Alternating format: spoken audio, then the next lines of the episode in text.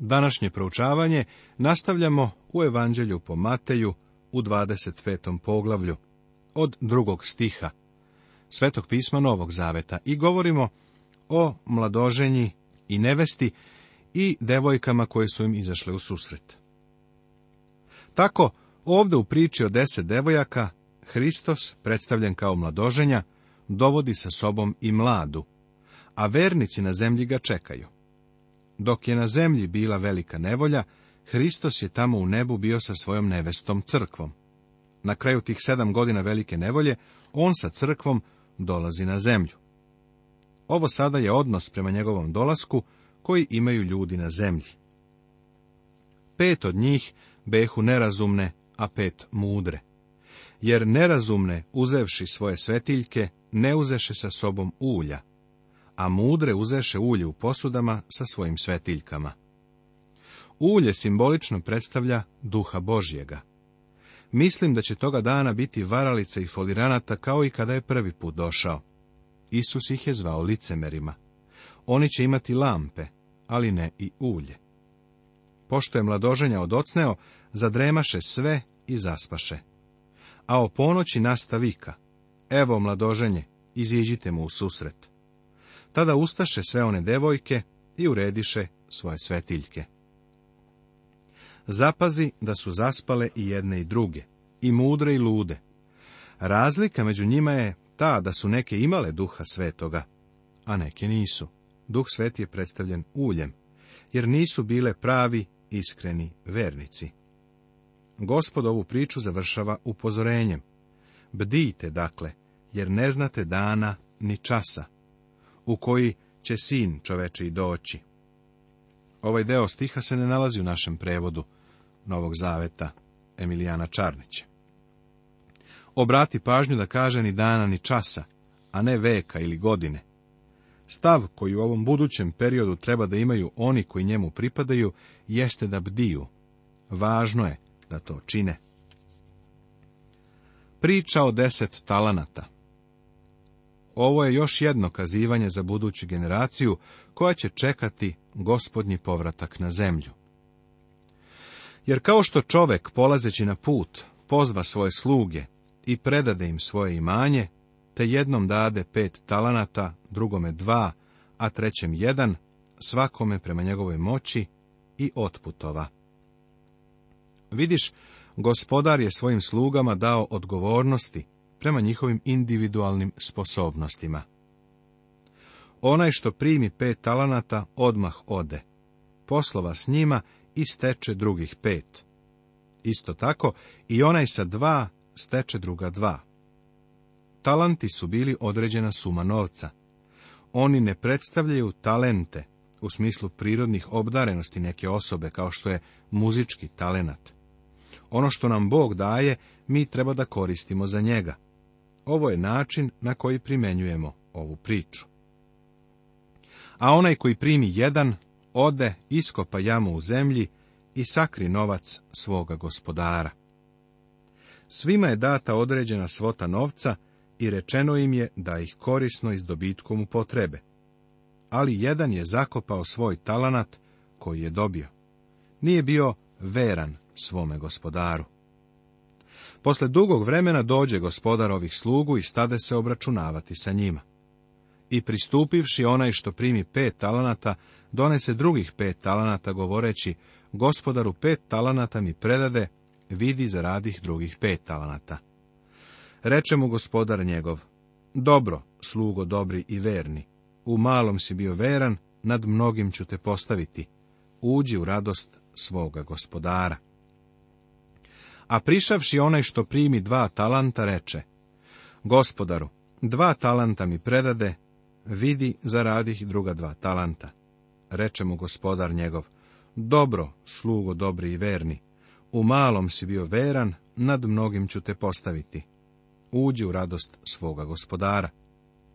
A prišavši onaj što je primio jedan talant, reče, gospodaru, znao sam da si tvrd čovek, Žanješ gde nisi posejao, skupljaš gde nisi vejao. Pobojah se, odoh i sakrih tvoj talent u zemlju, vidi, imaš svoje. A gospodar je ovako odgovorio. A gospodar njegov odgovor i reče mu, zli i lenji slugo, znao si da žanjem gde nisam posejao i skupljam gde nisam vejao. Trebalo je dakle da daš moj novac menjačima, i ja bih po dolasku uzeo svoje s kamatom.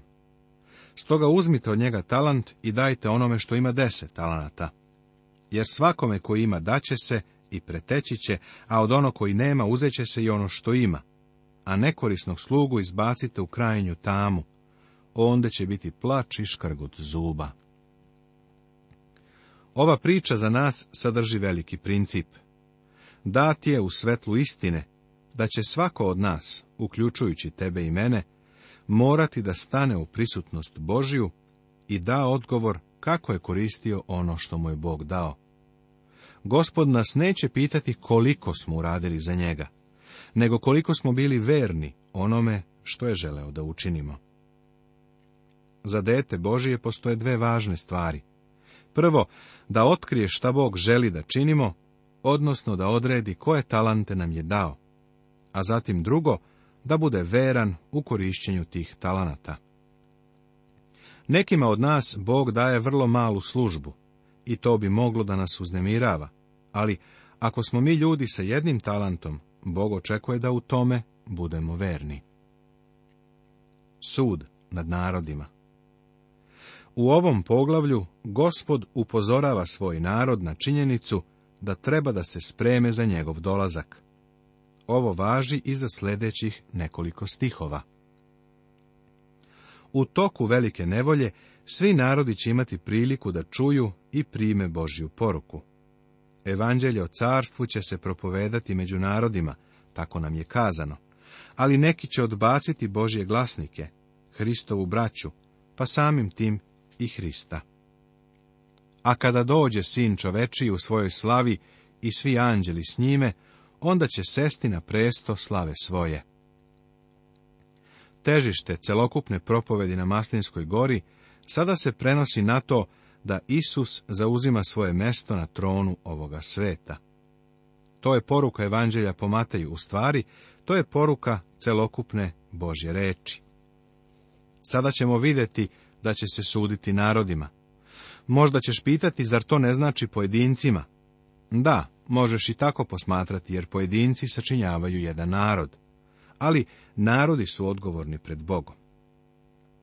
I bit će okupljeni pred njim svi narodi, i on će ih odvojiti jedna od drugih, kao što pastir odvaja ovce od jaraca. Narodi, grčka reč je etnos. Možemo reći da ovo ima značenje etničkih grupa. I postavit će ovce sebi s desne strane, a jarce sa leve. Ne znam ni za jedan slučaj kada Bog pojedince naziva jarcima. Sva ljudska bića se nazivaju ovcama. Postoje dve vrste ovaca, izgubljene i spasene. Svi mi kao ovce zađo smo, svaki od nas se okrenu svojim putem i gospod pusti nj bezakonje svih nas. Ovo je zapisano u knjizi proroka Isaije u 53. poglavlju. Postoje izgubljene i spasene ovce, a ne ovce i jarci. Verujem da jarci predstavljaju etničke grupe. Obrati pažnju sada na to šta predstavlja sljedeći test. Tada će reći car onima s desne strane, hodite, blagosloveni oca moga, nasledite carstvo koje vam je pripremljeno od postanka sveta. Jer ogladneh i dadoste mi da jedem, ožedneh i napojiste me, stranac bejah i ugostiste me, go bejah i obukoste me, razboleh se i posetiste me, u tamnici bejah i dođoste k meni. Tada ćemo odgovoriti pravednici i reći, gospode, kada te vide smo gladna i hrani smo, ili žedna i napoji smo. Kada te vide smo kao stranca i u gosti smo, ili gola i odenu smo. Kada te vide smo bolesna ili u tamnici i dođo smo tebi. A car će im odgovoriti i reći, zaista vam kažem, Ukoliko učiniste jednom od ove moje najmanje braće, meni učiniste. Onih 144.000 zapečaćenih jevreja u vreme velike nevolje ići će po celom svetu i propovedati poruku o carstvu. A to je da ljudi prime Hrista kao žrtvu za svoje grehe i da se spreme za njegov skori dolazak. Neki narodi će odbaciti Hrista. Antihrist će Božje glasnike ubijati, a svako ko im bude dao i čašu hladne vode, činit će to rizikujući svoj život. U naše vrijeme dati nekome čašu hladne vode nema neku vrednost, ali u vrijeme velike nevolje imat će ogromnu vrednost. Ovo će predstavljati podržavanje Hrista. Osnova po kojoj će narodima biti suđeno jeste njihovo prihvatanje ili odbacivanje Isusa Hrista. On kaže, ukoliko učiniste jednom od ove moje najmanje braće, meni učiniste, jer su glasnici bili njegovi predstavnici. To će biti način na koji će dokazivati svoju veru u poruku da se carstvo nebesko približilo i da oni treba da se pokaju i obrate Hristu da bi se spasli. Za one koji ga odbace postoji samo jedan sud tada će im odgovoriti i reći, zaista vam kažem, ukoliko ne učiniste jednom od ovih najmanjih, ni meni ne učiniste. I otići će ovi u večnu kaznu, a pravednici u život večni. Celi narodi će ući u hiljadugodišnje carstvo. Između njih će biti i nekih koji će odbaciti Hrista. Ali sud nad narodima pri drugom Hristovom dolasku treba da odredi koji će narodi ući u hiljadugodišnje carstvo. Ovaj sud je odvojen i drugačiji od svih drugih sudova. Poglavlje 26. Tema Posljednji događaj u Isusovom životu neposredno pre krsta. Zavera o njegovom hvatanju. Marija iz Vitanije ga pomazuje. Juda Iskariotski ga prodaje. Proslava prve gospodnje večere. Proroštvo o Petrovom odricanju. Agonija u Gecimanskom vrtu. Judino izdajstvo. Prvo sveštenici ga hvataju. Suđenje pred Kajafom i Sinedrionom i Petrovo odricanje. Ovo je najduže poglavlje u Matejevom evanđelju. Na kraju 30. stiha postoji prelaz, Događaj zabeleženi u Jovanu u 15., 16. i 17. poglavlju mogli bi ovdje da se ubace. Sljedeći prirodan prelaz bio bi na početku stiha 57. De oba poglavlja ovdje bi postavila suđenje pred verskim vođama u odvojenu kategoriju. Moguće je da su oni koji su pravili podelu pisma uključili tako mnogo događaja u jedno poglavlje, da bi čitaocu pružili obim i brzinu ovih značajnih dešavanja. Svaki događaj i detalj u ovom poglavlju upućuje na krst. Ovdje je prisutna takva preciznost, koja kod čitaoca može izazvati utisak da je Isus bio uhvaćen u kovitlac okolnosti, nad kojima nije imao kontrolu. Pažljivo ispitivanje i razmatranje, međutim, otkriće da je on gospodar okolnosti i da je, kako se približava krstu, sve više car. Sve što je zabeleženo u ovom poglavlju i u poglavlju 27. treba da se proučava u svetlu onoga što je on rešio u Kesari Filipovoj šest meseci ranije, a to je da ode u Jerusalim i umre. Otada poče Isus kazivati svojim učenicima da on treba da ode u Jerusalim i mnogo da postrada od starešina, prvosveštenika i književnika, da bude ubijen i da treći dan vaskrsne. Ovo je zapisano u Evanđelju po Mateju u 16. poglavlju, o čemu smo već govorili. On se dakle kreće prema Božijem vremenskom rasporedu i stremi ka tome. On nije bespomoćna žrtva, uhvaćena s jedne strane između žrvnja religioznih intriga, a s druge strane rimske vlasti. Naše razmišljanje treba da bude prožeto poštovanjem dok razmišljamo o stvarima zapisanim u ovom poglavlju, jer su one neraskidivo i direktno povezane sa našim spasenjem. Plan za Isusovo ubijstvo A kada Isus svrši sve ove govore, reče svojim učenicima – a kada Isus vrši sve ove govore, koje govore? Propoved na Maslinskoj gori. Odgovorio je na njihova pitanja o kraju vremena, a sada za njih ima nešto drugo. Znate da je za dva dana pasha i sina čovečijeg će predati da ga raspnu. Hajde sada da pročitamo do petog stiha, da vidimo nešto vrlo zanimljivo.